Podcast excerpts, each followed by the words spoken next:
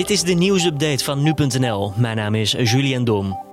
Het aantal mensen dat in Nederland is overleden aan de gevolgen van het coronavirus is opgelopen tot 213. Het totale aantal bevestigde besmettingen is inmiddels gestegen tot meer dan 4700. Dat aantal ligt veel hoger doordat lang niet iedereen meer wordt getest vanwege de schaarste aan testcapaciteit. Vooral patiënten die in het ziekenhuis zijn opgenomen en zorgverleners worden getest. De meeste positief geteste mensen wonen in de provincie Noord-Brabant. Dat zijn er meer dan 1500. Daarna volgen de provincie Zuid-Holland met bijna 650 besmettingen en Noord-Holland met 600 besmettingen. Het ministerie van Buitenlandse Zaken probeert samen met het Verbond van Verzekeraars en reisbrancheorganisatie ANVR Nederlanders die zijn gestrand in het buitenland terug te halen.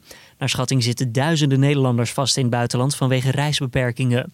Het gaat daarbij om mensen die op eigen gelegenheid een reis hebben geboekt en geen beroep kunnen doen op een reisorganisatie of luchtvaartmaatschappij. Nederlanders die terug willen moeten zich daarvoor melden op de website www.bijzonderebijstandbuitenland.nl. De drie partijen trekken hiervoor 10 miljoen euro uit. Aan reizigers wordt desondanks ook om een eigen bijdrage gevraagd. Dat is 300 euro voor reizigers binnen Europa en 900 euro voor reizigers buiten Europa.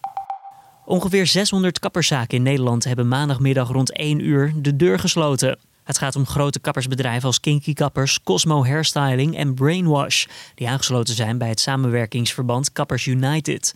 Het besluit staat haaks op de richtlijnen van het RIVM. Die stellen namelijk dat kapperszaken nog gewoon open mogen blijven. De autoriteit persoonsgegevens heeft 3000 privacyklachten uit 2019 nog niet verwerkt. Dat schrijft Sander Dekker, minister voor Rechtsbescherming. Als oorzaak wordt te weinig capaciteit genoemd. De minimale wachttijd bedraagt inmiddels zes maanden. Vooral klachten over het inzien van eigen persoonsgegevens en bedrijven die mensen illegaal via telemarketing benaderen blijven langer liggen. En dit was dan weer de nieuwsupdate.